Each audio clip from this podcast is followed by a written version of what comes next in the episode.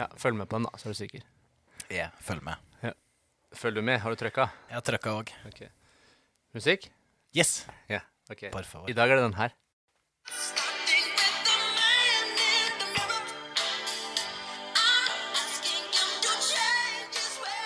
Se, Gjesten vår sitter og smådanser i sofaen her òg. Det liker jeg. Hvem som ikke gjør det til denne sangen her? Jeg vet ikke, De som ikke liker å danse, kanskje. Kanskje rykka litt i foten. Åh, oh, rykker i foten. Jeg elsker den låta der. Ja, fin. Og så elsker jeg budskapet. Mm. Og det er litt eh, ref det vi skal snakke om i dag òg. Mm. Hvilket perspektiv skal vi se ting fra? Er det, er det personen, eller er det samfunnet, eller hvor skal vi starte hen? Ja, spennende. Alltid spennende, Ja, ja, Tommy. ja. Ja. Jeg tar en slurk kaffe, så kan du fortelle meg hvordan du har det. Ja, nei, jeg har det ganske bra, egentlig. Gikk ut i pappaperm eh, på torsdag i forrige uke. Ja, stemmer. Så jeg hadde nå to Ja, torsdag, fredag og litt i dag, da.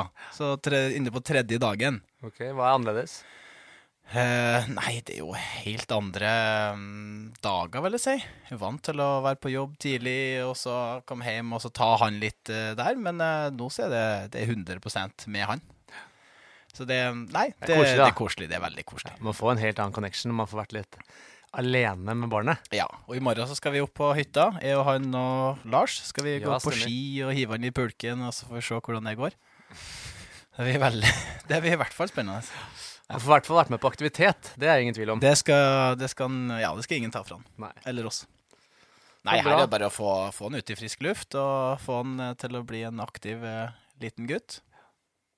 Tror jeg ikke noe problem. Og ellers, da? Hva har du gjort siden vi satt her og snakka sist? Nei, det er jo det, da. Det er jo pappaperm, og så var jeg Ikke da bare på det. Det var, det var noe julebord i helga òg. Ja da, det var det. Julebord med kompisene. Så det var litt, uh, litt forskjellig. Vi var først på Mysterbar på Sagene. Drakk litt øl. Og så gikk vi på, eh, på Sagene mm, til Sagene kirke, som ligger rett, rett ved. Var jo på julekonsert med jentekoret fra liksom medisinske et eller annet. Kjempeflinke Etter, Ja, jeg huska ikke helt, men den var kjempeflink.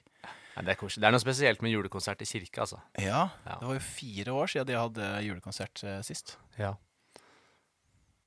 Så de hadde nok tid til å øve. At tid ikke øver, ja. Ja. ja, men det er koselig. Ja. Jeg syns det sjøl. Altså. Det er noe med det- hele den der stemninga og lyden som blir i en kirke. Ja. Veldig fint. Og så var jeg på sesongstart i går, på ski. På Ja, du, skate. det så jeg forresten at du la ut noe om. Ja. Du hadde jo PT her i skøyting på ski en periode. Ja, forrige, forrige sesong. Eller Ja. noe tidligere i år. Var det noe som satt, eller hvordan var det å starte igjen? Jo da, det var litt Det var russent. Det var det.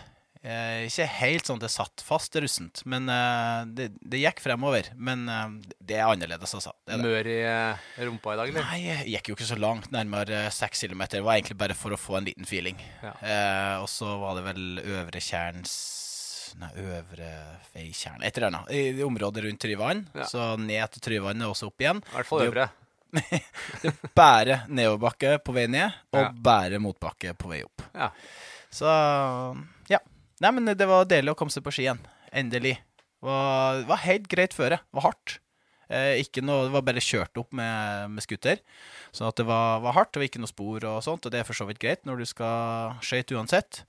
Em, men eh, det var litt sånn smågrus i et par av svingene. Ellers eh, bra. Kult. Da er Ja. i gang, da. Det er i gang. Det er i gang. Gleder meg til en bra skisesong. Du, har, du skal hive den med, du òg? Ja, du har sagt så, så jeg får jo teste, da. Yes. Ja. Det skal vi. Jeg er dårlig nordmann der, det har vi funnet ut av. Ja. Ja. ja men alt kan eh, bli, Man kan bli bedre Alt kan læres, det er helt riktig. Mm. Ja. Bra. Skal vi ta inn gjesten? Ja, nei, Du kan bare drite i å spørre hva jeg har gjort siden sist. Det går fint, det. Jeg er vant til det. Det går Jeg fint. jo, jeg fikk jo vite hva du gjorde uh, sist. Ja, nei, tror, det du, det går bra. tror du lytterne har lyst til det? Nei, mest sannsynlig ikke. Så hvis Nei. du ønsker, så Men eh, om du spør eller ikke, så kommer jeg til å nevne noe. Fordi jeg har hatt en fantastisk fin helg. Oi, har du det? Ja. Ja, ja, Så jeg kommer til å si hva jeg har gjort Ja, uansett. men jeg tenkte egentlig skulle vi, vi skulle gå videre til gjesten. Lytterne skal få høre om at jeg har hatt en fantastisk helg. Ja, ok. Og de- Og de som jeg har vært med helga, fortjener i hvert fall å høre det. For jeg har hatt, sammen med Elaine Bloom, siste helga på mentaltrenerutdanninga Ja, det hørtes artig ut. Ja, Og den gjengen fortjener en shout-out. kult. Ja, Ja, en shoutouts. stor- Det er lenge siden vi har uh... Det er lenge siden, og de fortjener et stort utrop. Fordi maken til raushet, eh, det å stå i ting som er ubehagelig, for de deler jo. Og det er klart at når du jobber med ting som dine egne verdier, og inn på livshjulet ditt og ser på hvilke områder du kanskje er forbedringspotensialet osv., så, videre, så dukker det opp ting, da. Eh, altså, de, og de sier ting og deler ting høyt. Jeg ble, jo- jeg ble tårevåt altså, på slutten. Det var, eh, det var mye oksytocin fra min side. Fantastisk, da. Så jeg var høy og lav og alt mulig rart i løpet av det her. Jeg har hørt de hadde lyst til å få satt opp eh, enda en del to av kurset. Ja, det var noen som etterspurte det, så det, Ja. er, det er Det håper jeg jo man får til, da. Ja. Det her er det, var, det, var de aller fleste personlige trenere, sa du? Eller var De som ikke? fleste, ikke alle. Eh, og så er det jo kanskje noen som kommer til å gjøre andre ting i bransjen, eller innenfor folkehelse. Og noen som jobber med idrett og barn, og Mm. noen som skal bli PT. Ja. Så litt forskjellige innfallsvinkler. Jeg tror du har utbytte uansett, altså hva du skal drive med etterpå. Mm.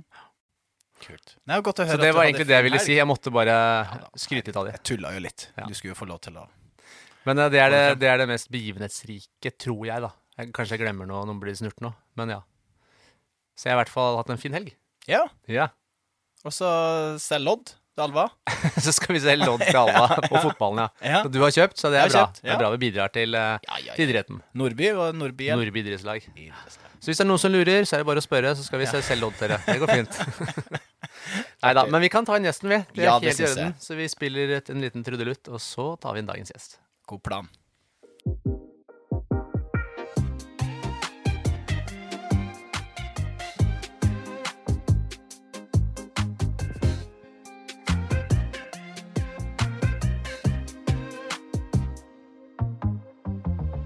Hjertelig velkommen til podkasten Litt for personlig trener med Alex og Tommy.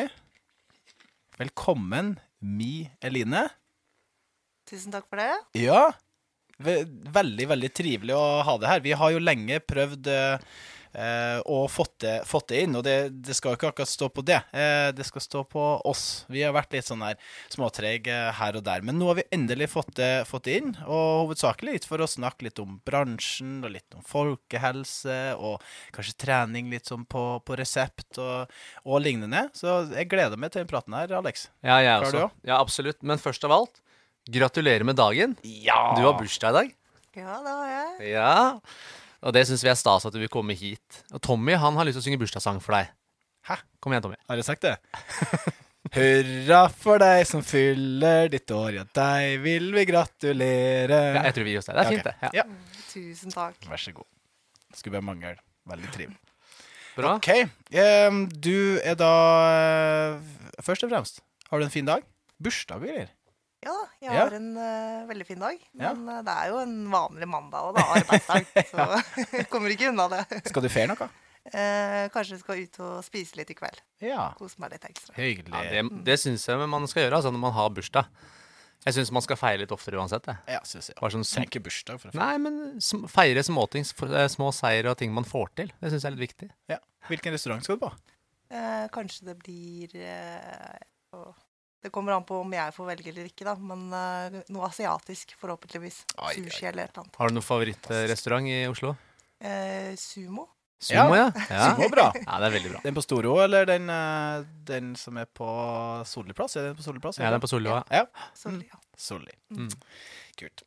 Ja, eh, grunnen til at vi spurte, at, spurte om du hadde lyst til å bli med her Du er jo bransjedirektør i Aktiv helse, og det er jo da via hovedorganisasjon Virke og Virke trening. Um, og jeg måtte jo google litt. Jeg har jo lenge litt sånn eh, lurt litt på hva er Virke, og det er kanskje mange som òg tenker litt på det. Vi gjennom Virke trening, eh, og da gjennom treningssenterbransjen og hele, vet jo litt mer om hva Virke er. Men jeg, jeg måtte google en liten ting, sånn at eh, det her er jo da en hovedorganisasjon for handels- og tjenestenæringa, og da bindeleddet mellom arbeidsgiverne og myndighetene, ikke sant? Mhm. Ja. Eh, som medlem så får du da rådgivning, advokathjelp, eh, bransjefellesskap og da bedre rammevilkår gjennom den politiske påvirkninga som dere har. Eh, og dere sier at dere kjemper for eh, at virksomhetene får gjennomslag for sine interesser når fremtidens arbeidsliv formes. Så dere utfordrer da dem som styrer landet, oss sjøl, og, eh, og deres da motparter for å finne enda bedre løsninger. Yes. Hvordan er den jobben? Jo, det er jo veldig spennende og utfordrende. Jeg syns jo Google har gitt deg et veldig dekkende svar, da. Ja, det, var bra, det var bra lest, Tommy. Meget bra lest. Ja, ja. Takk. Bra googla. Ja, nei, det er jo veldig spennende. Vi jobber jo for privat næringsliv i Norge. Og treningssenterbransjen er jo en del av det private næringslivet i Norge. Eh, og vi tilhører egentlig eh, tjenestenæringene og står for eh, veldig viktige forebyggende helsetjenester. Så det er jo kjempespennende, og det er eh, en næring og et eh, forretningsområde som er forventet å vokse inn i himmelen for fremtiden, for å si det sånn. Så det er eh, mye spennende som skjer på det helsepolitiske området. Men så må jeg jo også innledningsvis bare gi dere litt sånn kudos og kred. Fordi at den jobben det, dere gjør hver eneste dag, både opp imot eh, medlemmene deres og eh, andre aktører som eh, underviser og osv., det, det er en ekstremt viktig jobb eh, som jeg har så stor respekt for. Så det er eh, veldig, veldig bra. Jeg tror at eh, Norge trenger enda flere som dere to og andre i, i bransjen som virkelig har et sånt eh, hjerte for egentlig helse og folkehelse velvære. Så bra. Takk, det var hyggelige ord. Det var veldig veldig hyggelig. Tusen hjertelig takk. Og det, det er jo kanskje det vi trives eh, å jobbe med òg, den forebyggende effekten. Det er jo det som er med, med trening og ak fysisk aktivitet. Det er jo der vi ønsker å starte, og jeg håper jo at det blir mer og mer synlig for eh, politikere og for ja, staten, Norge som en helhet. Det at man faktisk ser på de, de viktige delene, så i stedet for å drive brannslukking og den biten der, og se på hvor viktig denne fysiske aktiviteten er for, eh, for veldig mange. Mm. Hva tenker du om det, Alex? Du trives godt i denne eh, forebyggende bransjen, du òg? Ja, så har jeg tenkt mye på hvorfor det er sånn. Hvorfor vi Det er veldig menneskelig det her å, å heller reparere kontra å forebygge. Altså i den forstand at Vi har jo snakka om dette før, Tommy. For å endre noe, så endrer vi gjerne noe når ting blir ubehagelig nok. Eh, eller så må det være noe som er en så stor gulrot at vi er villige til å gjøre store endringer for å nå det. Og da blir det ofte sånn at både mennesker og systemene Vi venter til, til smerten er så stor at nå har vi ikke noe valg, og da er det ofte for seint. Og så må vi bruke midler på å reparere, da. Eh, både enkeltindivider og systemer som helhet. Og så tenkte jeg litt på når vi prater om Virke. Det er jo sånn, Virke har liksom ligget litt sånn For min, for min del, da. Det har vært der, men det er ikke noe jeg har tenkt noe over. Og så kom korona. Da hørte jeg om Virke hele tida, for da var det, vi, vi venta vi på retningslinjene til Virke. og hva som kom til å skje. Så da fikk jo hele treningsbransjen Å ja, det er noe som heter Virke, ja. Ja, vi har faktisk en hovedorganisasjon. Ja. Jeg tror det er mange som var der. ja. Nei, men eh, det var jo eh, Ja, det er bra, bra sånn sett. Eh, men utdanna jurist? Ja. Ja. Fra når eh, var du ferdig utdanna? Eh, nå, åh, nå begynner jeg å bli så gammel, så. Det var vel i 2010, tror jeg. Rundt der. Ja. Mm. Jobba Eh. lenge innenfor, uh, innenfor det. Du, du har jo litt uh, ganske solid bakgrunn, vil jeg si. Du har jobba både i Kommunal- og regionaldepartementet med næringsretta virkemidler. Var det første jobben rett etter skolen? Ja, det var det. Så jeg er jo en skolert eh, byråkrat, egentlig. Sånn at På godt og vondt, da. Men uh, jeg begynte ganske bredt, fordi uh, Kommunal- og regionaldepartementet jobber jo mot eh, kommunene. Og tilrettelegger for at kommunene kan gjøre en best mulig jobb ut til sine innbyggere. Mm. Det var veldig spennende arbeid, det òg. Mm. Og så eh, videre i Nærings- og fiskeridepartementet, da med konkurransepolitikk. Hva, hva jobba du med der? Eh, ja, det var jo litt eh, ulike saker, men mest konkurransesaker. Så det kunne jo også være opp imot eh, saker som eh, var relevant for treningssenterbransjen. Mm. Eh, F.eks. konkurranseflatene mellom offentlige og private treningssentre. Mm. Eh, men også innenfor andre områder, da. Så det spennende. Så bra. Og så jobba i EFTAs eh, overvåkningsorgan, ESA. Ja. Eh, da òg med konkurransesaker her. Ja. Ja, du liker det her konkurranse, konkurranse, liksom det å skal megge litt eh, mellom eh, ulike parter. Det er det som har vært litt av din eh, greie. Ja, altså jeg syns jo at eh, konkurranse eh, er ikke et mål i seg selv. Men konkurranse skal jo egentlig drive frem de som leverer mest effektivt til best kvalitet. Mm. Eh, og sånn er det jo innenfor idrett òg. Altså, at man skal jo gjerne Den som klarer å løpe raskest på minst mulig batteri eller energi, skal jo stå igjen som vinneren, da. Eh, og det tenker jeg at eh, f.eks. i Norge og i veldig mange bransjer så kan man se ja, ineffektivitet, da. Eh, og det er jo det som eh, er det beste hvis du har en optimal konkurranse, at man bruker fellesskapets ressurser og på en samfunnsøkonomisk måte, da. Eh, Mm. Og, at, eh, og det, det syns jeg er viktig. Det er kjempebra. Og så mener jeg å ha hørt et sted at du eh, drømte om å få Nobels fredspris når du var liten. Stemmer det? Ja, det stemmer. Så jeg har alltid øh, Jeg tror jeg er litt sånn langt øh, derifra nå. Nei, men En eh, liten, en liten eller stor idealist, da, kanskje? Ja. Ja. Sant, altså. Men jeg tror jeg har idealisten litt i magen fortsatt. Fordi Mm. jeg er veldig glad i, blitt veldig glad i treningssenterbransjen. Selv om jeg er den av oss tre som har vært der desidert kortest. Men det er et hjerte for både eh, ja, treningssenterbransjen som folkehelseaktør, men også ekstremt stor respekt igjen for dere som eh, jobber på, på treningssentrene og eh, i, i bransjen som sådan. Jeg, jeg vet selv hvor eh, viktig dere kan være i menneskers liv, da. Fordi jeg har selv vært eh, forbruker av treningssenterbransjen i 22 år. Eh, Jeg har eh, erfart dere på godt og vondt, men dere har hatt en veldig sånn viktig rolle i livet mitt. Og jeg tror nok eh, med stor sikkerhet at jeg kan si at dere spiller en ekstremt viktig rolle i, i andres liv også. Og det syns jeg er litt interessant, som jeg har hørt dere snakke om tidligere, det med yrkesstolthet og så videre og bla, bla, bla. Og jeg er litt sånn, vet du hva?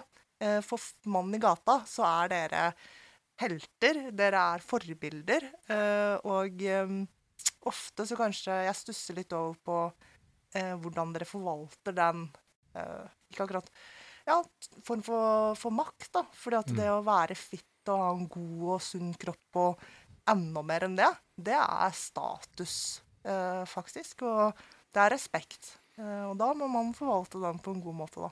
mm. Ja, det, det er jeg helt enig i. Og jeg tenkte på det, jeg snakka om det med noen av de studentene i helga. Og det bildet jeg fikk opp, som jeg sa da, fordi at når jeg eller da jeg begynte å jobbe som PT, og det har jeg vært åpen og ærlig om, så sa jeg at jeg begynte å jobbe som PT for å bli sett, for noe jeg var flink i. Og så har det switcha litt, fått litt andre perspektiver og litt andre verdier kanskje med årene også. Eh, og det jeg fant ut, som jeg sa til de, det er at eh, jeg når fram og kan hjelpe mange flere mennesker som Clark Kent enn som Supermann.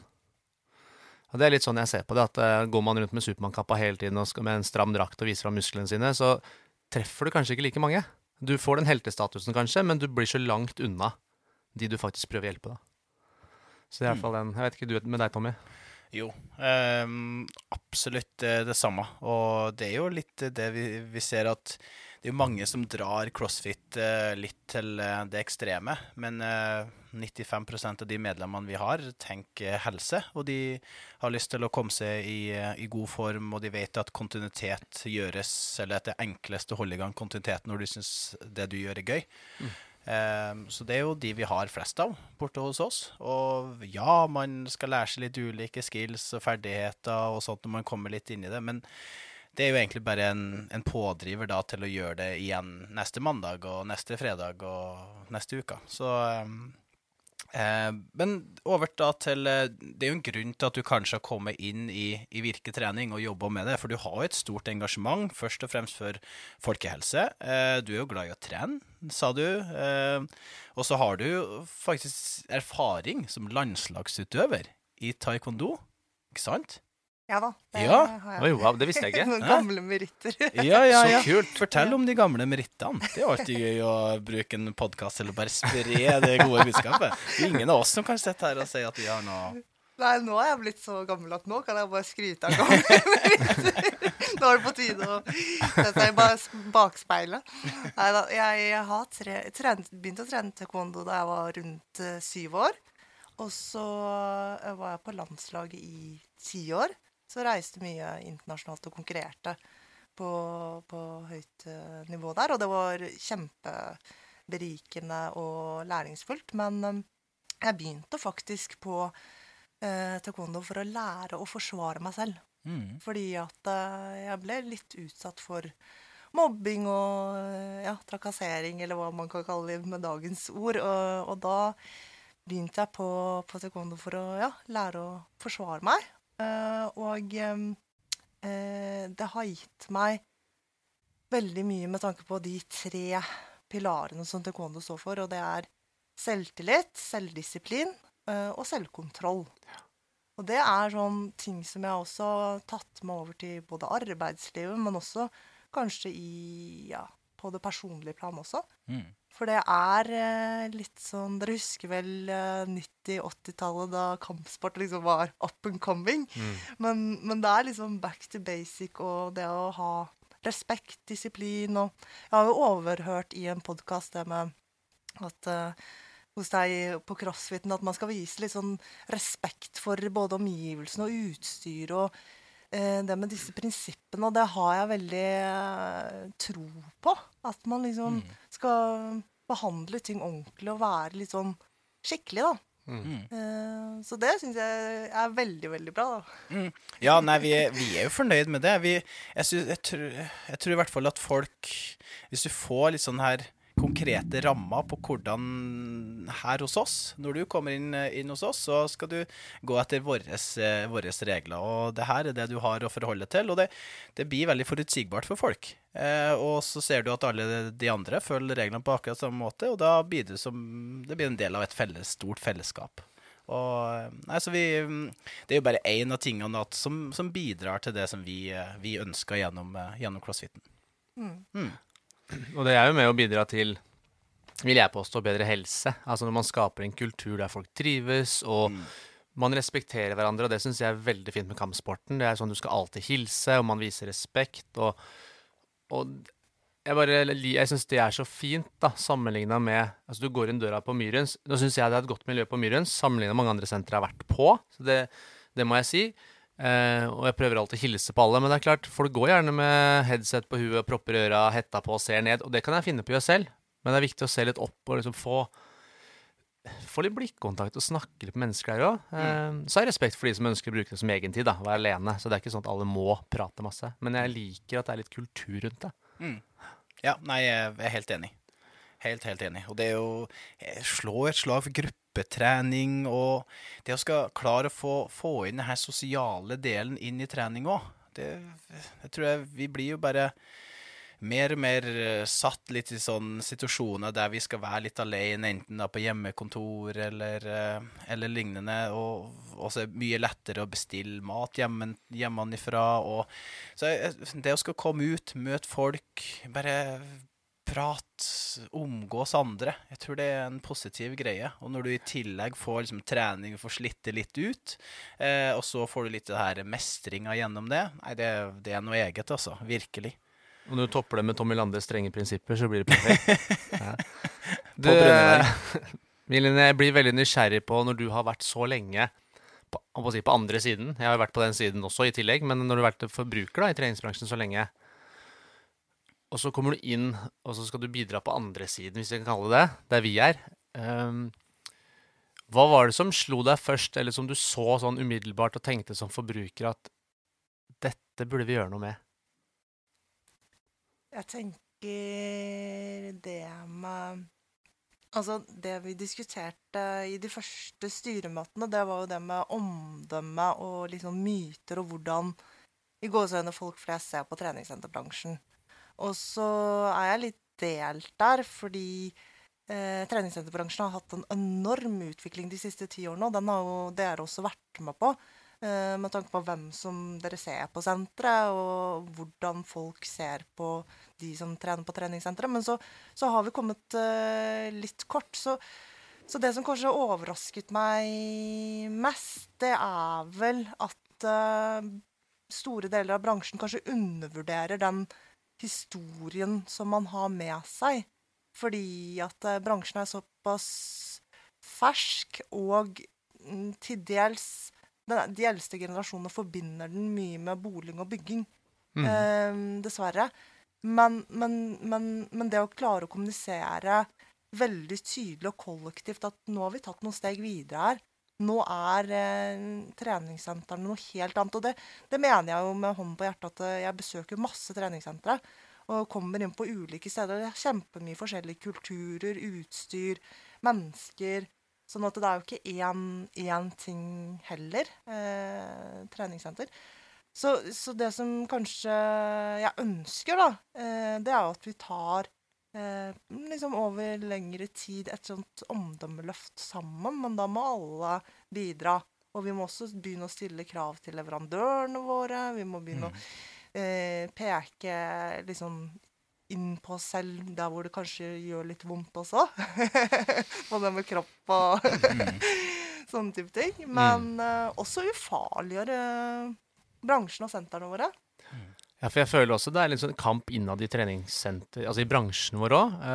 når vi snakker om dette her, og så snakker vi med andre som er i bransjen, som, som da mener at ja, men vi har jo like stor rett til å vise fram og skryte av det vi er stolt av å ha bygd, altså f.eks. kropp, da. Som andre har lov til å skryte av at de har en fin jobb eller en flott bil eller um, Og så tror jeg mange der som sliter da med at de har lyst til å være stolte av det de har skapt. Men så er det, det viktig å forstå forskjellen på det å være stolt av det, og hva det gjør med andre. For det er som du sier da, man hadde den der forventningen om at når man sier at man trener på treningssenter, og jeg er på gymmet, ikke sant, nede på gymmen der, eh, og skulle man ned og bygge muskler. Men så tenker jeg, jeg er jo vokst opp på treningssenteret, altså bokstavelig talt. Onkelen min dreiv et studio, eh, og da husker jeg navnet på det, for det tror jeg var Ås helsesportsenter. Og det er jo et litt annet klang i det navnet der, helsesportsenter, eh, enn treningssenter eller prestasjon, som veldig mange ting heter da. Så det het jo da Helsesportsenter, og så var det Helsestudio. eh, Og så har vi skifta navn, da. For Helsestudio også, selv om det er et fint navn, så forbandt man jo Helsestudio med tanntrådsinglet og store boligmuskler, som du sier, etter hvert. Men eh, sånn umiddelbart så tenker jeg at eh, et helsestudio høres jo mer ut som et folkehelsetilbud enn treningssenter. Absolutt. Em, ja, egentlig for å følge opp eh, videre der, hva tenker du om, eh, om folkehelsen per dags dato? Nei, altså jeg er jo kjempebekymret, helt seriøst. Eh, hvis du ser hva slags helsetilstand liksom, den norske befolkningen står i nå. Én million er faktisk lider av fedme i Norge. Altså én million mennesker. Det er syke tall. Altså, Altså, det er veldig alvorlig, og det jeg har liksom, ja, reflekterer over, det er liksom hva gjorde vi under pandemien? Altså, vi står i en fedme, fedmepandemi, og det er helsemyndighetenes egen, e- egne begreper. Da, så det er ikke noe jeg finner på selv å bruke det som, en, som, som det. For det, det kan jo høres veldig ja, brutalt ut å si fedmepandemi, men det er faktisk det det er. og jeg syns eh, det er urovekkende med tanke på at vi beveger oss så lite i henhold til liksom, Helsedirektoratets anbefalinger og stort sett ellers, og spesielt postpandemi. Men jeg vet ikke om dere har merket nå om folk begynner å komme tilbake, eller hva har dere erfart nå i det siste, eller er det aktivitetsnivå Å, jeg er ikke så representativ her. Vi har jo ikke så mange medlemmer hos oss. Vi har vel nærmere 350, så sett sånn i sammenheng med treningssenter som kanskje har 3000-5000, så har jo vi hatt eh, eh, lange ventelister i i en periode, og vi får jo folk som har lyst til å starte hos oss. Eh, men jeg får kanskje ikke Vet ikke, Alex? Hva tenker du? Jeg har, har jo også ganske snevert vindu. Jeg er på treningssenteret på jobben kun på dagtid. Eh, men jeg har sett en økt trend i det siste med at det er mange flere som trener tidlig. i hvert fall. Om det, er, om det er da mennesker som allerede trener, som har pleid å være der en annen tid, som ikke jeg har sett, eller om det er nye, det vet jeg jo ikke. Men det er en mye større pågang på morgenen nå, visse dager enn det har vært før. Folk er litt mer fleksible, kanskje. Men jeg, har, kan jeg mener jo å ha hørt at eh, Sandra på Myrens har sagt at eh, de, de ikke har kommet opp til de samme tallene som de var før. Nei, Vi eh, ligger nok litt under der fortsatt, ja. Så mista noen under pandemien. Ja. Hva vet du? Du har nok garantert noen tall fra treningssenterbransjen? Ja, vi ser jo at vi, vi er på vei tilbake, men vi er langt fra, uh, fra de tallene vi ønsker å se. Og det var jo en forventning om, i bransjen om at når vi gjenåpnet, så skulle liksom medlemmene strømme tilbake, men dessverre så tar det tid. Eh, men prognosene våre er positive. Vi ser en positiv utvikling. Men rent omsetningsvis så er vi tilbake på 2016-tall. Oi, Så, sånn at det, det begynner å legge. Men det som også, også er interessant, det er jo at uh, vi ser en klar ny tangering mellom altså det som er kjeder og frittstående sentre. Sånn Mm. at de frittstående sentrene de gjør det relativt uh, bra nå. Mens uh, kjedene ligger fortsatt ganske langt bakpå. Mm. Ja, for, for det skal ikke akkurat stå på tilbudet. Tilbudet har vel aldri vært så, så stort ut til eh, forbrukeren. Vi har vel aldri hatt så mange treningssentre tilgjengelig. I hvert fall i storbyene. Ja, ja, ja. og Det, det er jo fortsatt faktisk en etableringsvekst. Mm. Men eh, jeg tenker jo at vi kan gi oss en ja, klapp på skulderen før, før pandemien. Så var det jo rundt én million nordmenn som brukte treningssenter som sine aktivitetsarena. da. Og det er jo helt fantastisk. Mm. Ja, og det er jo perspektivet man ser det på. For ofte så sier vi jo sånn Vi når bare én million. Ikke sant? Man kan jo se det på den måten at eh, ja, det er over fem millioner mennesker, så vi skulle gjerne nådd alle sammen. Så vi når jo da kun en femtedel. Ikke sant? Mm. Sånn cirka, da. Og ikke nærmere seks, da. Mennesker? Ja. Ja. vi er ikke på sekstallet ennå, vel? Nei, vi er ikke langt, vi er ikke nærmere seks enn fem. Nå kan du sjekke og kan du google mens vi prater videre. Det var spennende å høre. Men, eh, men uansett, ja, det, så det er jo bra. Vi når jo en god del.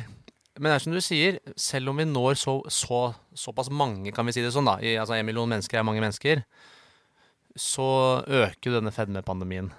Ja, det er kjempealvorlig. Og det, er- det er liksom spørsmålstegn hva er det i gåsehudene markedet alene kan gjøre med det, og hva er det helsemyndighetene nå må også ta tak i for å lage noen gulrøtter og insentiver til å øke aktivitetsgraden. Eh, og rent sånn helsepolitisk så jobber vi jo nå med det med arbeidsgiverrollen. For det er 2,8 millioner nordmenn som er i jobb. Og arbeidsplassen kan være en mye større folkehelsearena der hvor eh, arbeidsgiver legger til rette for at eh, ansatte holder seg fysisk aktive enten i arbeidstiden eller utenfor. Eh, og her må vi gi også noen gulrøtter til arbeidsgiveren fordi at vi har et ekstremt høyt sykefravær i Norge. Og, og arbeidsgiver må dekke det som kalles arbeidsgiverperioden. Eh, og det er ganske kostbart. Det er rundt 70 milliarder i året som ligger på, på arbeidsgiver. Og, og det, det, derfor så må nå vi se på dette med skatt og avgift, hvordan vi kan sant, nudge og eh, ja, sånn at arbeidsgiver ikke kan ha noen unnskyldninger. For hvorfor har ikke de en avtale med et crossfit-senter eller et treningssenter? eller altså Uteaktivitet uh, osv. Fordi at uh, det er viktig. Ja, det er en veldig fin eh, ting uh, du sier der. Og vi, jeg har merka det. Jeg sitter jo med admin eh, eh, ar- adminansvaret på CrossFit Sagen. og der får vi eh, får, På slutten av året så får jeg alltid noen sånn mail om at eh, ja, kan ikke du sende meg alle fakturaene som jeg har betalt for det her inneværende år? Eh, fordi da får de dekket en viss prosent av, eh, av jobben. Og det der syns jeg er helt fantastisk. Jeg har aldri hørt noe særlig om det tidligere. Det at man får, eh, får dekket eh, medlemsavgifter. Og i tillegg så føler jeg at det er flere og flere bedrifter som tar kontakt angående bedriftstrening. Så jeg føler at det, det, er, det er på riktig vei, men det går treigt. Virkelig. Ja, og så er spørsmålet er det økonomien, altså vanskelige økonomiske kår, som gjør at folk ikke kommer og trener, eller er det For jeg husker jo en del av studiene som var gjort tidligere, der man så på eh, intervensjoner hvor, eh, hvor eh, de som jobba, altså arbeidstakere, fikk gratis trening, f.eks. Og da var det jo stort sett de som allerede trente, som benytta seg av tilbudet, hvis det var et sånt fritt tilbud. da.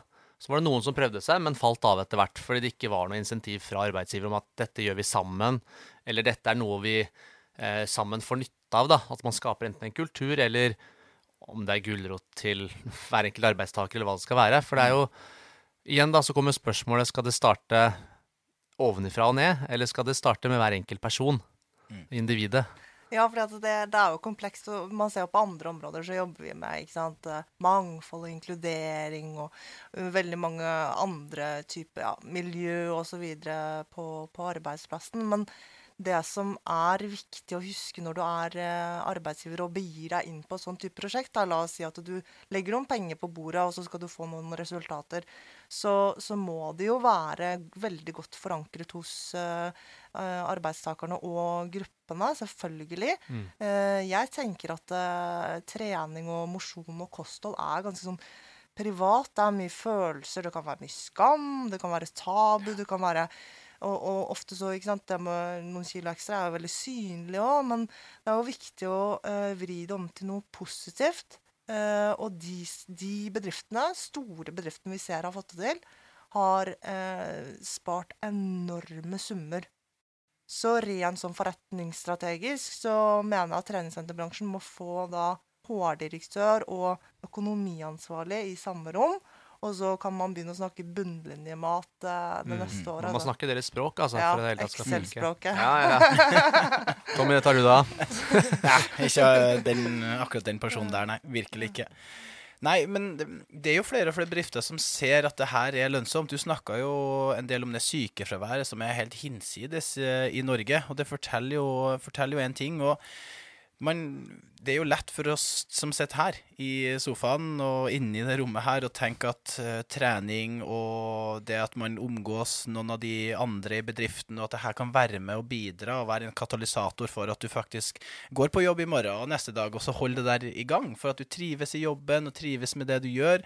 Og selvfølgelig en bedre helse gjør jo at du kanskje er mindre syk, og osv. Så, videre, så, så det baller jo på seg. Vi ser jo de bedriftstreningen som vi har, og du har jo folk som ikke kjenner hverandre før, selv om de har jobba i lag i fire-fem år. Eh, og spesielt nå under pandemien, og så har vi ikke så mange som har møttes heller. Og Så det der kan jo være en, en sånn fin arena å møtes på, møtes eh, likt. Fordi at du, du har kanskje en som er leder, og så har du noen som kanskje er under der igjen. Men når det kommer på trening, så er det liksom sleng litt eh, bemerkninger til hverandre og har det gøy og koser seg og er fysisk aktiv og sitter og prater litt etter økta. Så det må jo være en sånn positiv ringvirkning bak det der med trening. For det, det, kom, det er jo så mange andre ting som kommer med. Ikke bare det at du blir sliten og at du, ja, at du føler at du har trent godt, men du prater kanskje om, eh, om økta eh, før du skal dit, og at du prater om økta dagen etterpå, støl og sliten. Og, så det, jo, det gjør at du bare kommer i prat, og sosialt og fint. Jeg er helt enig. altså. Vi har hatt noen uh, paddeløkter sammen på jobben, og det, det har vært så morsomt, og vi har ledd oss skakk i hjel.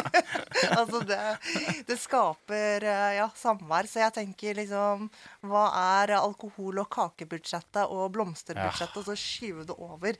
Altså flytte de postene og gjøre det til aktivitetsbudsjetter. Ja, det er en fin liksom- vinkling å ta, Ja. egentlig. Ja, Kjempebra. Det er mye penger som går ut, altså. Ja, det er, jo, det er jo ganske mange ø, ulike mennesker i en større bedrift. Og hvis alle da skal ha ei kake når at de da har bursdag, og så skal man feire at en, en er ferdig, feire at en starta altså, Det er så mange muligheter til å feire. Men å da tar jeg padeløkt og bare gjør noe sånn der uhøytidelig av det, for det, treng, det må ikke inn på et, et treningssenter. Du kan jo gjøre hva som helst så lenge du prøver å være litt aktiv. Og padel er jo ikke nødvendigvis det aller, aller mest slitsomme. Fordi at det her er litt mer sånn sosialt, og man spiller, man har det gøy, og så Nei. Det. Spørsmål til begge to, egentlig. Ja. Vi har aldri hatt så mye kunnskap som vi har nå. Vi har aldri visst så mye om hjernen som vi gjør nå. Vi har aldri kunnet forklare hvorfor vi mennesker eh, velger som vi gjør ut ifra både evolusjon og hvordan vi ser at hjernen funker og alt dette her.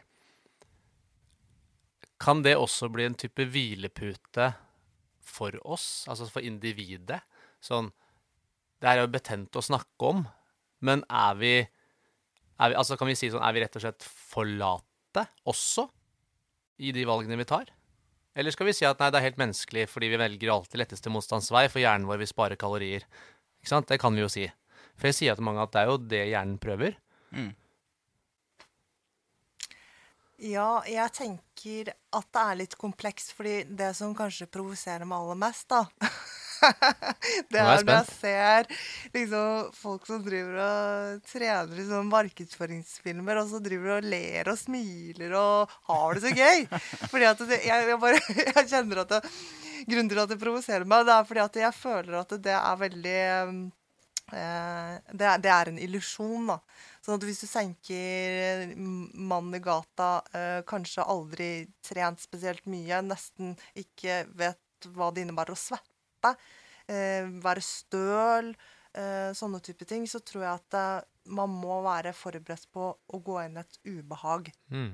Eh, og veldig kort fortalt så var det for et, et par-tre år siden så, så hadde jeg en periode på to år der jeg spilte veldig mye sjakk, da. Pubsjakk. og så hadde jeg en sånn uh, lengre periode. Og poenget mitt da, det var at kroppen min, uh, hjernen min forfalt ikke, men kroppen forfalt ganske mye. Og så skulle jeg begynne å trene etter et opphold på to år. Og det var Jeg trodde faktisk det var Jeg hadde en hjertefeil fordi fordi at eh, pulsen gikk så høyt opp, da. Jeg ble redd, eh, og jeg syns det var eh, Det blir bare veldig vondt og vanskelig. Sånn at selvfølgelig, hvis man er i den situasjonen, så vil man jo ikke utsette seg selv for det. Og så plutselig blir man støl, og så skal jeg gjøre det igjen. Jeg har jo vondt i hele kroppen. Dette er jo ikke bra, kan man fort tenker Jeg vet ikke hva du tenker, Tommy.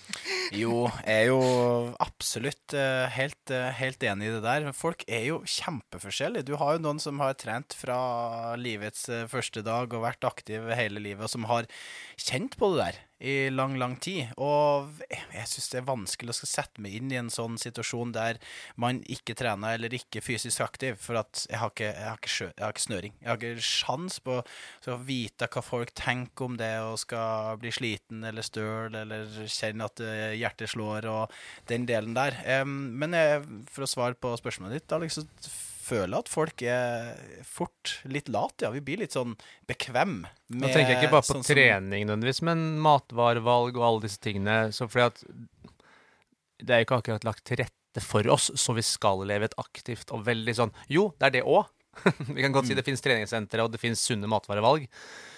Eh, Men så finnes det veldig mye annet som eh, gjerne de som selger dette her, ønsker at vi skal spise, f.eks., eller gjøre det. Mm. Ja, nei, det, det er nok mange som uh, syns at det, med trening er ubehagelig, men vi Det kan jo fort være sånn at det er ubehagelig i starten, og så vil du jo se effekten av det, både mentale, mestringa, det fysiske. Så det er jo mye som, mye som skjer, og det du snakka om med, med stølhet, er jo sånn du, du kommer til å være ganske støl i starten, men så vil det jo det her gi seg, eh, så lenge du ikke gjør noe helt Men det er det å komme dit da. Jeg tror Du har jo en sånn deilig naiv hjerne, Tommy. Fordi du er jo sånn, du syns jo alltid at trening er gøy. Stort sett. Sier jo at du ikke kjenner på det. Jeg kan jo kjenne på at jeg eh, noen ganger trener som en nødvendig onde. Det er ikke alltid jeg syns det er gøy. Det er jeg 100% ærlig om. Jeg veit hva det gjør for meg, og jeg tåler det, for jeg har opplevd det såpass mange ganger. Og da kan jeg forstå hvis ikke du får en umiddelbar gevinst. Jeg har kunder jeg som etter flere år fortsatt sier sånn Nei. Og jeg kan være sånn ja, men Kjenner du ikke liksom noen gang på treningsgleden? Så Nei. Jeg veit det er bra for meg, så derfor så jeg, Det er greit etterpå, men jeg syns ikke det er gøy, altså. Nei. Og, men de gjør det allikevel. Mm. Fordi de har klart å komme inn, og de har, fått, de har da hatt økonomiske midler også til å få hjelp. da. Mm. Så, så jeg kan da være der og hjelpe de og trene. Og så kommer de seg gjennom. Og det forstår jeg at ikke alle kan. Mm. Ennå. Mhm, vi får se hvor vi kommer hen. Mm. Ja?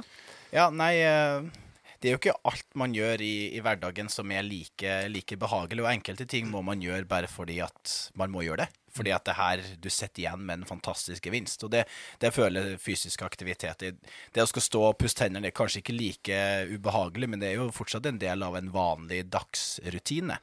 Og eh, nå skal jeg ikke sammenligne de to tingene der med trening og Jo, men det er en det fun pusse fact, fun fact med pusstenna, da. Ja, Det var ikke så mange som pussa tennene i starten når de oppfant tannkrem. nei. Du vet hva de gjorde for at de skulle selge tannkrem? De tilsatte såpeskummet, sånn at det skumma, og så du fikk den friske, du fikk en helt annen følelse, så du fikk en umiddelbar gevinst. Sånn at du kjentes mye renere ut, og du fikk en sånn åh, den følelsen her vil jeg ha igjen. Så den kom umiddelbart. Mm. Og der tror jeg kanskje treninga har noe å hente innimellom. Det er at hvis du klarer det, når, som dere spiller padel, det blir noe sosialt, det blir gøy, det blir noe litt mer enn bare ubehaget. Og så tror jeg, som du sier da, Mielin, at når uh, du ser en video med noen som smiler og løfter knebøy og syns det er kjempegøy, og så tester man selv, og så er det sånn Det her var bare vondt og jævlig. Ja. Og så er det jo litt sånn Jeg tenker jo det med informasjonsoverload også, og det som for, forpurrer egentlig veldig mye av den tiltakssiden. Altså Jeg så bare en, en sånn artikkel i NRK da hvor det var sånn diskusjon på hvordan man skulle løfte vektene, om det var opp eller ned, eller ikke sant, altså sånn type ting. Ja. Og det er så smalt og nerdete. Hallo, altså Vi snakker om å gå, gå seg en tur på et kvarter hver dag og få litt frisk luft. Altså, vi ligger på det nivået når det gjelder eh, eh, ja, den største delen av hele befolkningen. Og så er det det som skal frem. Altså, da, da begynner jeg å stusse litt også på hvordan man kommuniserer trening og helse ut. Eh, med tanke på at man blir jo helt forvirret eh, av alle disse ekspertene. Og all respekt til forskning osv., men, men det store og hele budskapet som må ut, det er jo at eh, litt er bedre enn ingenting. Eh, så det er, det er liksom Å, vi må bare komme i gang. Ja, jeg syns jo NRK bør ta en del av skylden for det. For tidenes eh, clickbait-overskrift Uh, ja, var nå, ja. helt ubrukelig. Helt Ja, det ubrukelig. Selv om at jeg skjønner jo hva de her forskerne skulle ut, veldig ut med at man må jobbe med å skal senke vekta, og at det hadde bedre effekt enn faktisk den konsentriske fasen. Men et eks eller, du, bør, du skal jo helst løfte den vekta opp for å kunne senke den ned. Så det, det er tidsbesparende, det vil jeg ikke akkurat si at, eh, at det er i det hele tatt. Og det, media har mye, eh, ja, mye med det her å gjøre, og det er kjempeviktig at de spiller på lag med, med treningssenterbransjen, og med at de ønsker å få, få opp denne folkehelsen. For det er jo veldig typisk sånn clickbait at ting skal gjøres eh, kjappest mulig, og få raskest mulig resultater osv. Og, så og det det jeg ser på, på mine kunder, at uh, akkurat det samme eksempelet som du sa. Det er bedre med litt enn enn ingenting, og at uh, litt hver dag er mye bedre enn at du da skal trene én eller to timer én eller to ganger i uka. Jeg føler at det Trener man da én til to ganger i uka og trener én time, så har du fortsatt fem dager ellers der du ja, der du egentlig ikke får vært noe særlig fysisk eh, aktiv. Og jeg føler at de fem dagene ofte vinner, sånn at du, du gruer deg til å gå på trening, for det er ikke blitt en, eh, en del av rutinen din. For at de fem dagene eh, i løpet av uka, de vinner over de to andre. Sånn at det, i stedet for å senke terskelen på det å skal eh, hvor lenge du skal holde på. Så er 15-20-25-30 minutter. Eh, Fire-fem ganger i uka. fordi at da vinner de fire-fem gangene i uka. Da får du det mer inn som en rutine. Hvis at jeg slutter og skal, og skal pusse tennene og bare gjøre det én eller to ganger i uka, så har jeg ikke, jeg ikke veldig lyst til å gjøre det de, de andre dagene. Så jeg tror det Pusse tre det kvarter i gang i uka. så jeg, jeg har Det har jeg i hvert fall sett hos mine kunder. Bare få denne lista ned. Få, sett på klokka på 20-25, gjør noe. Gå deg en tur, eller eh, løft på litt vekter og sånt. Og så heller gjør det igjen i morgen, i stedet for at det går så lang tid imellom at du skal trene mandag og torsdag eller mandag og fredag. Du har så mange dager imellom der til å bli usikker på om du skal faktisk gjøre den økta på torsdag og fredag. I stedet for å bare Nei, mandag, tirsdag, torsdag, fredag, da, da trener jeg. Det er faste dager. Skal jeg gjøre et eller annet. Blir du så engasjert? Det rister i mikrofonen. Ja, det rister overalt. Det, men det er bra, det. Du, jeg tenkte på det du sa deg, så skal jeg stille spørsmål til Miline etter det. Eh, for det jo, de gjorde en studie der det skulle, som omhandla vaner og rutiner. Mm. Hvor det de skulle gjøre, det var å gå seg en tur eh, etter middag. Jeg lurer på om det var en amerikansk studie. Eh, så skulle du se hvor lang tid det tok da, før de som var med, rapporterte at de eh, merka ganske lite motstand mot den nye vanen de skulle gjennomføre. Og da, For det er jo sånn typisk om man hører at det tar 21 dager å innarbeide ny vane, eller 66 dager å innarbeide ny rutine og vane. Så er det sånn, Hvor lang tid tar det egentlig når vi har x antall mennesker som skal gjøre akkurat det samme? Og Da viste det at det tok alltid fra én uke til 250 et eller annet dager å gjøre det samme. Så, og det er litt sånn For noen så går dette her raskere, for andre så tar det mye lengre tid før det blir en rutine på det. Og da skulle de gå en halvtime etter middagen da, hver dag. Så det er jo litt interessant da, å ta med seg oppi det hele. Absolutt. Syns jeg. Men det er Alt dette her vet vi jo. Ja. Selv de som ikke beveger seg, vet jo dette her. Og så får, får vi ikke det til. Nå prater vi om arbeidslivet. Hva tenker du om eh, samfunnet ellers, da? Sånn, nå tenker jeg på et sånn ovenfra-perspektiv her. Hva mer er det vi kan gjøre for å få folk til å både bevege seg mer, men kanskje også ta sunnere matvarevalg, hvis vi skal snakke om det også? Ja, for det er jo kjempeviktig spørsmål også når man tenker det sant, fra et samfunnsøkonomisk perspektiv, og hva dette her koster helsevesenet, og hva slags belastning det har. Så, så, sånn at jeg tenker liksom folk flest, Vi jobber jo nå helsepolitisk for helseveiledning på resept, eller aktivitet på resept. Og det innebærer da at eh, hvis dere, eller jeg også, går til legen og er i en risikosone, både kanskje når det gjelder vekt, men også inaktivitet, at uh, legen kan henvise videre til noen som har kompetanse innenfor trening. Uh, fordi at legene er ikke utdannet eller har kompetanse innenfor trening. Fysioterapeuter kanskje til dels, men de, har ikke, de er ikke spesialister innenfor trening og ernæring. Eh, det er de i utgangspunktet personlige trenere og kanskje ja, type ernæringsfysiologer, helse- og treningsfysiologer osv. Som, som har det som spesialfelt. Um, fordi at eh, det er viktig at når vi kommer til legen, så kan man begynne å forebygge, eller eh, risikoreduksjon for å få ulike sykdommer som diabetes 2, muskel og skjelett og de, eh, de utfordringene som vi ser eh, piker opp når det gjelder årsak til uførhet og sykefravær. Og så kommer selvfølgelig det mentale inn. At vi får jo det mye bedre mentalt hvis vi holder oss i bevegelse. Så, så det jeg er kjempeopptatt av, det er at vi slutter å snakke om, eh, om fysisk aktivitet, mental helse og ernæring alene. Dette er jo en sånn treenighet som vi er avhengig av. Og eh, skotter det med den ene, så påvirker det veldig ofte de andre. Så når man har det litt dårlig, så kanskje man spiser dårligere, og så beveger man seg mindre. Så det har sånn dominoeffekt. Så jeg, jeg syns liksom vi også som bransje kanskje kan bli flinkere til å se dette i sammenheng. Og at det ikke er liksom Ja, nå er det bare mental helse, og nå er det bare fysisk helse. Eller nei, ja, vekt det, Du kan ikke trene deg ned i vekt. Og så blir det sånne diskusjoner som vi egentlig ikke har tid til å ta. Ja, ja. Eh, Så, så det, det, det er eh, viktig at, eh, at vi kan få den kompetente hjelpen som vi, vi trenger, når vi trenger den. Og der kommer jo vår bransje rett inn i midten av grøten. Hvor lang vei er det dit, tror du? Før vi kommer dit? At vi kan gå til legen og få treningshjelp? Nei, jeg tenker jo at vi ligger bakpå. Sverige ligger foran oss når det gjelder sånne type ordninger. Og så ser vi også type Australia og andre land som vi også liker å sammenligne oss med. Tyskland ligger også frem, fremme i skoen. Men øh, hvis du ser altså, frem til 2030, da, så er det færre som øh, jobber enn de som er pensjonerte. Eh, sånn at vi, vi har rett og slett ikke råd til å la være. Og det, jeg stusser over at eh, helsepolitikerne ikke tar dette mer på, på alvor, hva egentlig som ligger i verktøykassen når det gjelder forebygging. Og så må vi tørre å ha to tanker i hodet samtidig. Eh, Vi må reparere nå og fortsette.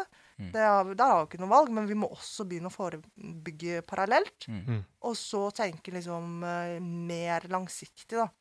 For, eh, for ellers så ser jeg ikke hvordan eh, vi skal kunne komme ut av dette, dette problemet vi står i, egentlig. Vi snakka litt med Tine Sundfør, og litt om det her, eh, og da spesifikt litt mot ernæring, siden det var hennes felt. Så jeg har litt lyst til å spørre deg om akkurat det samme spørsmålet. Du, du har jo nevnt ganske mye nå. Kanskje ikke vært helt konkret. Jeg vil ha det enda litt mer konkret. Hva, hva er din drøm? Eh, Hvis vi snakker nå til helsepolitikerne, som du akkurat var inne på. Hva er din drøm? Hva ønsker du eh, at de skal bidra med for at vi skal få gjort noe med folkehelsa per dags dato? Nei, jeg eh, Drømmen min er at eh, helsen til folk flest tas på alvor. Fordi at eh, ikke sant, oss dere kan sikkert sitte og flåse med at ja, men altså, vi vet eh, at det er så bra, vi kan komme oss opp dit og dit og dit. Men poenget er at de aller fleste trenger eh, kompetent veiledning. Og, og folk trenger å bli sett. De trenger å bli fulgt opp. Eh, de trenger bekreftelse. Og så mm, eh, Fordi at eh, hvis de ikke hadde trengt det, så hadde det jo ikke sett ut sånn som det gjør i dag. Så, så, så mitt liksom mantra, det er jo også selvfølgelig at eh, alle, alle krefter må, må brukes. Og det er ikke nødvendigvis bare kommunene eller bare privat næringsliv eller eh, bare helsefrivilligheten som klarer det alene. Vi må jobbe sammen og samarbeide. Eh, Det er, eh, er dessverre så kan jeg si at det er nok uhelse til alle. Eh, Og alle i vår bransje de, de konkurrerer egentlig mot den uhelsen, og Mm. ikke hverandre i det hele tatt. Det er mer enn nok å ta tak i, da. Mm. Så det er, det er det å gi eh, Helsemyndighetene må nå gi eh, mannen i gaten et konkret insentiv til å altså helt eller delvis dekke utgifter som går til fysisk aktivitet. Uansett om det er i vår bransje, eller om det er DNT, eller om det er Syklistenes Landsforening, eller whatever. Eh, men at man må, må nudge nå. Kjempebra. Veldig gode, gode tanker. Eh, hva tenker du om personlig trening på resept? Det å møte en fagperson, i stedet for å bli som sluppet eh, litt alene på et treningssenter der du ikke helt vet hva du skal gjøre? Ja, absolutt. Altså, jeg vil gjerne ha en personlig trener på, på resept. Men, men, men jo, ja, men altså, for å ta det litt sånn uh, alvorlig, så, så er det ekstremt mange som trenger det. Og spesielt også nå, nå har vi et uh, litt fokus på det med fedme og overvekt. Uh, og det er Hvis du bikker 31 i BMI, så får du ikke helseforsikring. Og så får du ikke rettighetsbasert legehjelp før du bikker 40 i BMI. Og da får du plutselig da eh, operasjon, eh, medisiner eller klinikkopphold. Altså da pøser du bare pengene på.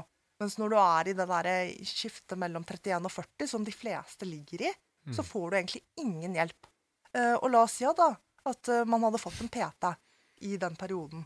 Så kunne hjelpe dem litt med kosthold, litt med sant, eh, eh, fysisk aktivitet, og så i det minste bare bremset den eh, eh, utviklingskurven. For veldig mange bruker liksom 6-7-15 år på å gå oppover til denne 40 BMI-grensen. Mm. Men, men det er et paradoks at når, når du bikker 40, da, da, da sitter eh, 100 000-lappene veldig løst, da. Ja, det er helt sjukt. Jeg snakka jo, jo med en person som lå der, og han fortalte meg at han lå akkurat litt under der han trengte å være for å få hjelp.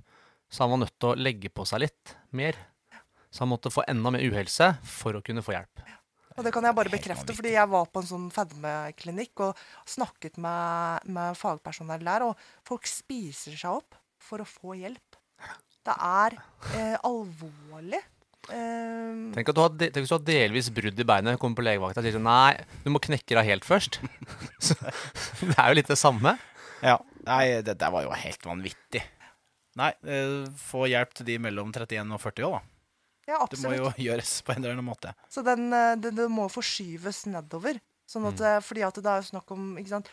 Det jeg er opptatt av, det er jo livskvaliteten til de som ligger der. De har det ikke godt med seg selv. Og jeg har bare lyst til å nevne én historie fra den fedmeklinikken òg. Det var at de, det var voksne mennesker som kom dit som var ja, alvorlig overvektige, men de hadde aldri hatt en venn i livet sitt. Fordi at de hadde vært så mobbet og utstått hele livet pga. vekten sin. Så første gang de hadde fått en venn i livet, og da var de kanskje i 40-årene, ikke sant? Mm. Det var på fedmeklinikken. Mm. Og det, det er ganske vondt å tenke på. Ja, uff. Fryktelig.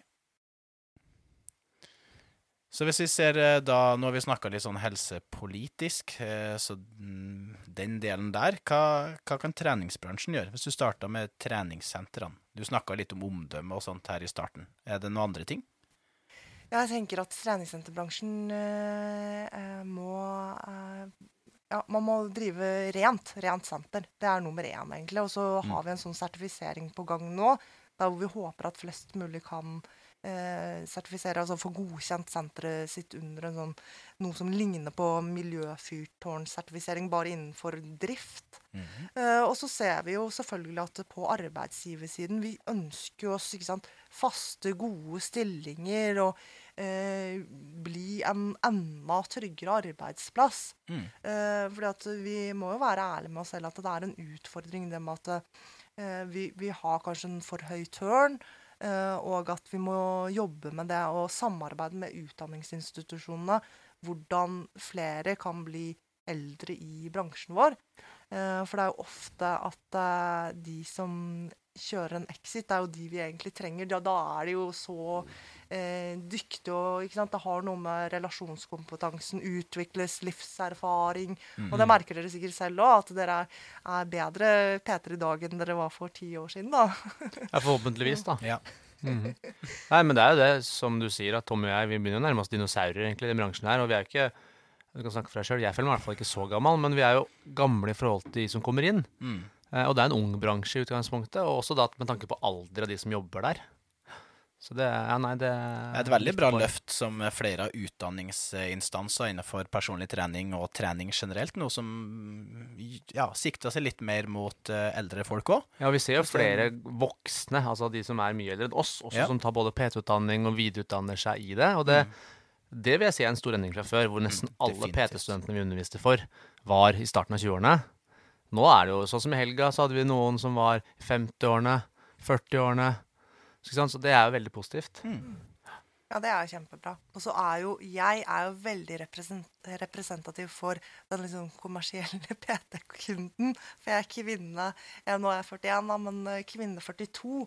Det er der egentlig da dere skal legge inn støtet. Og det, det er litt sånn også jeg har observert når jeg har vært ute, at eh, jeg syns kanskje det er litt uh, rart, da. Og ikke bare rart, men det bare er ikke alltid en god match hvis uh, PT-en er eh, liksom, typ 20 år yngre enn meg. Jeg vil gjerne ha en som kanskje bare har litt mer fellesinteresser og snakker litt samme språk. Og, eh, sånn at det syns jeg er kjempepositivt å høre. Mm. Ja, og ikke minst med tanke på det du sier, og vi vet at eh, vi blir flere og flere eldre her også i, i landet. Og det å da ha, ha godt voksne Peter, som kan være omtrent ja, i nærheten av alderen til de, er jo faktisk eh, kjempebra, da. Helt enig. Personlige trenere, da? Hva kan de gjøre? Uh, jeg tenker at vi har uh, et, en utfordring, fordi jeg syns at det er for mange i gåsehudet personlige trenere som er, driver veldig useriøst. Uh, spesielt sånn man kan se eh, online personlige trenere, og, og de som profilerer seg og markedsfører seg, er veldig synlige. Eh, jeg syns at det er eh, omdømmeskadende for de som er seriøse. Eh, og der eh, må vi i større grad begynne å jobbe med å vise at det er et skille. Det er noen som faktisk har en utdannelse eh, og betaler skatt, ikke driver svart økonomi. Og det som våre tall også viser, det er at det, det er faktisk ikke mye penger heller i det med online-PT. Eh, selv om det kan tilsynelatende se sånn ut. Så, så syns jeg også PT-ene bør stille seg noen ganger spørsmål om de har lyst til å være influensere, eller om de har lyst til å være PT-er. Fordi at noen ganger så kan det gå en sånn derre eh, interessekonflikt mellom de to. Eh, hvert fall da hvis du skal være en influenser-PT, så burde du i det minste ha, liksom, være bevisst på verdiene dine, hva er det du viser frem, og hvor går grensene dine. Um, og så syns jeg jo at uh, PT-ene da igjen må forstå hvor mye ja, i gåseøyne makt de egentlig har, eh, gjennom bare å ha den kroppen de har. Eh, for de er kjempestore for forbilder. Jeg skal faktisk på CrossFit Asker i morgen og møte han Ryan. Ja, han er. PT der. og jeg gruer meg jo. Som liksom, eh, fordi at jeg føler at han liksom er litt sånn opphøyd, ikke sant. Og dette er mystisk og magisk. Og, sånn at det er liksom at dere også, da, eh, på den andre siden, forstår faktisk hvor ja, rockestjerner dere er egentlig for eh, for mannen i gata. Så, så det å ta, liksom, ta tak i den, den der yrkesstoltheten som kanskje etterspørres litt, og så bare kle den på dere. Og da har dere den, altså. Jeg tror på dere. Kjempebra. Bra boost. Ja, veldig. Ja, veldig. kjente jeg retta, retta meg opp litt. da nå fikk skuldrene litt ned og Ja. opp her. Integritet Ja. har mye å si Bra i bransjen også. Ja. Det Ja, nei, jeg er helt, helt, helt enig i det du, det du sier, at man må skille litt mellom influenser og, og personlige trenere. Jeg tror nok det er veldig mange personlige trenere der ute som sitter uh, sier at ja, men alle kan nok sikkert Alle skal jo ikke inn mot folkehelse, alle skal ikke ta den delen der. Jeg må da uh, legge ut ting på sosiale medier som når de følgerne jeg ønsker, og de kundene jeg ønsker. Men du må òg være litt bevisst på at det her kan eh, påvirke de andre personlige trenerne som har lyst til å jobbe med, mot eh, folkehelse, og den delen der. Og, mm. så det er helt, helt enig i det med omdømme, og at eh, vi må ja, få litt mer integritet og bli litt profesjonell, bli litt seriøs. Vi har lyst til å bli som en ja, som en fysio. Vi har lyst til å bli som en lege. Vi har lyst til å samarbeide med de her eh, b- mm, eh, Yrkene, profesjonene. Profesjonene var det Ja. rett etter, ja. Så jeg har lyst til å samarbeide med de, sånn at det blir en sånn fin rød tråd i, eh, i hele greia. I hvert fall når vi begynner å dra inn eh, en- politikken og sånt òg. Så har vi lyst til å bli eh, sett på som like seriøs som alle de aktørene som jeg allerede snakka om nå. Mm. Mm. Og så må vi jo være veldig bevisst på det ansvaret vi har overfor ungdommen. Nå er det flere og flere yngre som kommer tidligere inn til oss på sentrene våre, og crossfit og andre ting. Så vi må være gode forbilder overfor dem også. Og så har jeg lyst til å si en ting at eh, jeg er en person som f.eks. syns det er ganske hyggelig å kunne se på en veltrent kropp, men det er liksom hvordan er det du eh, poserer? Du kan jo ha det gøy å være svett, og så på en måte, men så kan du si noe annet med nesten akkurat samme bilde hvis du tar det på en annen måte. Det er litt sånn Det er bare noen detaljer som skal til, for det, det er liksom noen eh, fine linjer her. Så jeg syns ikke at uh, vi skal skamme oss over uh, kroppene våre, eller at det skal dras helt andre retning. Mm. Men kanskje mye mer ja, bevisstgjøring, rett og slett. Mm. Mm. Enig. Mm. Hva tenker du, Alex? Jeg tenker at det som blir sagt her, er Det resonnerer godt hos meg òg. Mye av det samme som jeg sitter og tenker på. Uh, sitter jo hele tida og prøver liksom Hva betyr dette for meg, selvfølgelig, når vi snakker nå. Eh, og jeg kjenner at jeg har vært på begge sider. Hvis vi kaller kalle det sider. Det er jo ikke en sånn svart og hvit side. Det er jo litt sånn man glir over fram og tilbake. Men jeg har vil aldri påberope meg å ha vært noen influencer, men jeg har brukt Instagram til å legge ut uh, lettkledde bilder. Sånn I starten da Instagram kom, så var det det jeg gjorde. Det var sånn jeg tenkte at jeg måtte gjøre for å få de kundene jeg skulle ha.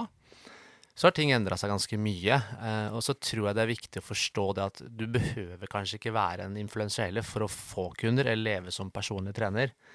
Eller kunne bidra på den måten. Jeg kjenner mange som ikke bruker sosiale medier i det hele tatt, og er fullboka av personlige trenere. Mm. Og bidrar vel så mye til folkehelse på den måten. Så Jeg er bare nysgjerrig på én ting. Mm. Har du fått noen kunder direkte gjennom Instagram? Ja, det er jeg. Ja, du har det, ja. Ja. Så jeg, eller, eller, jeg har det, altså. Så derfor så det er, Og det er mange som gjør det. ja. Eh, så jeg har faktisk fått kunder direkte gjennom både å vise kropp og vise performance. Mm. Det har jeg. Eh, men det resonnerer ikke med de verdiene jeg har i dag, så derfor så vil jeg ikke gjøre det nå. Mm. Jeg syns det er gøy å gjøre det for min egen del. Altså sånn, Trene og få til ting, og Tommy også trener jo for prestasjon for sin egen del. Men så er det ikke Og man kan inspirere, men du behøver ikke gjøre gapet så stort, da. Mm. Det behøver ikke være da Supermann med kappe og se hva jeg kan. Heller dette kan du også få til. Sånn og sånn kan vi gjøre. Ikke sant? Det er noe helt annet. Kjempebra. Nei, eh, bra, bra samtale, altså. Jeg syns det ble en fin, eh, fin flyt igjennom. Og jeg føler vi har fått dekket en del av det som vi hadde lyst til å prate om, Alex. Jeg vet ikke om du har noe mer på To-tre timer til kunne vi sikkert Ja. snakka, men uh, det får være neste gang. Ja, det får Ja. være. Vi får ta en, eh, en del to, kanskje, der vi snakker enda litt mer om bransjen og litt mer om uh, kanskje utviklinga. Det som er fint, er å få en oppdatering etter hvert. Hvordan Ja. ting utvikler seg, om det er nye ting som skjer. Det tenker jeg er fint. for du sa jo Jeg vet ikke, når kommer denne rapporten eller den oversikten over da 2022? Ja, den, kom, den lanseres nå 8. desember. Så publiserer vi den, og da er det jo en del eh, ja, interessante funn og tallanalyser. Og så har Kristina Gjestvang fra, fra Norges idrettshøgskole også hatt en sånn eh, gjesteartikkel der. Mhm. Eh, sånn at det er alltid spennende å se, se hvordan treningssenterbransjen kan bli styrket som, som folkehelseaktør, rett og slett. Har du lyst til å dele noe fra den eh, en liten sånn sneak peek?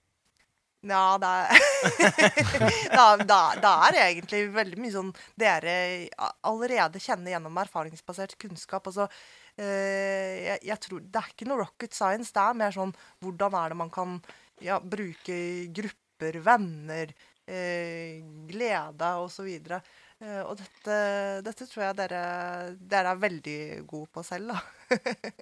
Nei, men vi, vi gleder oss til rapporten. Så får se litt uh, hvordan det blir. Kanskje vi Vi får ta en ny prat på, på nyåret. Du har noen spørsmål til slutt, har du ja, ikke det? jeg har det. Eh, Jeg vil gjerne ha tre favorittøvelseaktiviteter og tre øvelseaktiviteter du ikke er så glad i. Har du noe? Uh, ja, altså aktiviteter jeg, jeg er faktisk eh, blitt glad i sykkelrulla i kjelleren. Jeg er en sånn swifter. Så, men nå har jeg meldt meg på Team Rynkeby skal sykle på Barnekreftforeningen Oslo-Paris til sommeren. Oi, Så nå har jeg liksom lagt til det der trening med mening.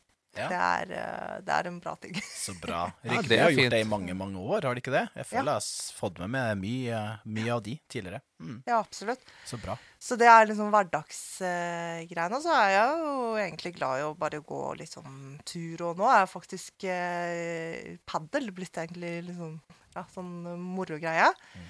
Eh, og så må jeg si at jeg er ikke spesielt eh, glad i løping. Eh, der har jeg fått en sånn fullstendig avsmak. Det syns jeg er bare vondt og vanskelig. Ja, men den er forståelig, den. Den Ja. er det. Mm, Meget forståelig. Ja. Mhm. Andre ting eh, du ikke er så, så happy med å gjøre, men som du bare føler at du bare må gjøre. Det kan òg være en spesifikk øvelse. Nei, ja, altså jeg er eh, Jeg er ikke veldig glad i disse basisløftene, men eh, jeg må gjennom de noen ganger. For det ligger jo litt i sånn blodet når man har ja, drevet med toppidrett tidligere. Uh, ja, og så er jeg ikke spesielt glad i sånn eh, yoga, stretching. Det, det syns jeg er litt vondt og vanskelig. Altså. Det er en helt ærlig sak, tenker jeg. Ja. Du skal møte Ryan i morgen, var det du sa? Ja, Ja, så jeg er litt CrossFit. sånn Å, eh, det blir spennende. spent. Kjenner dere Ryan, eller? Ja, det vet, jeg vet litt av han. Vi kjenner jo godt til Soros og Milad og gjengen som er på CrossFit Asker. eh, Sånn. Men jeg kjenner ikke han sånn kjempegodt, men jeg vet uh, godt av han. Gjør det. Så du er i gode hender. Du, jeg vil ønske deg en uh, fin bursdag videre i dag, jeg.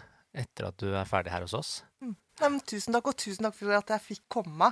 Uh, dere gjør en så ekstremt viktig jobb for bransjen og, uh, og folk flest som kanskje lytter til denne poden osv. Det er viktig å liksom, det med inspirasjon og få litt innsikt og gi bransjen litt forskjellige stemmer. Så tusen takk til dere for den jobben dere gjør, altså.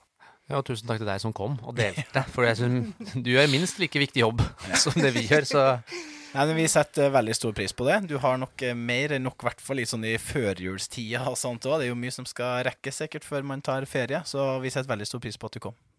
Tusen takk. OK, OK. skal vi runde av? Ja, vi får lete et døgn i dag òg, vi. Ja, vi må nesten det. Ja. Apropos lett at dørene. ja. Brønnøysunddialekta kom på TV-en her i helga. OK. På Med- Netflix. Med en feil, eller? Nei, eh, på, på Netflix. Så Ja. nye, nye hotte filmen Troll. Det hørtes veldig hot ut. Ja, Ja. så det, den er norsk. Men fra Brønnøysund? Nei. Nei. Men han ene, han um, kapteinen, kaptein Chris, Ah. han snakka brønnøyværing. Så det, jeg tror det har noe med at uh, en av bestekompisene hans er fra Brønnøysund. En som heter Runar. Uh, de har vært, eh, det var noe, ja, han har vært i Forsvaret og litt forskjellig, så han, han har nok sikkert hjulpet han litt opp mot den her. Hva slags, er det en animasjonsfilm, eller er det en Ja, det er jo, hvis du har et troll inni der, så er det vel kanskje litt Nei, det behøver ikke være. Jeg kunne vært Nei, så trollet er vel Men det, ellers er det jo ekte figurer. Å ja. Ja, ekte mennesker. Ekte mennesker. Ja da, det fins ekte mennesker i Brønnøysund nå, Tommy. Ja.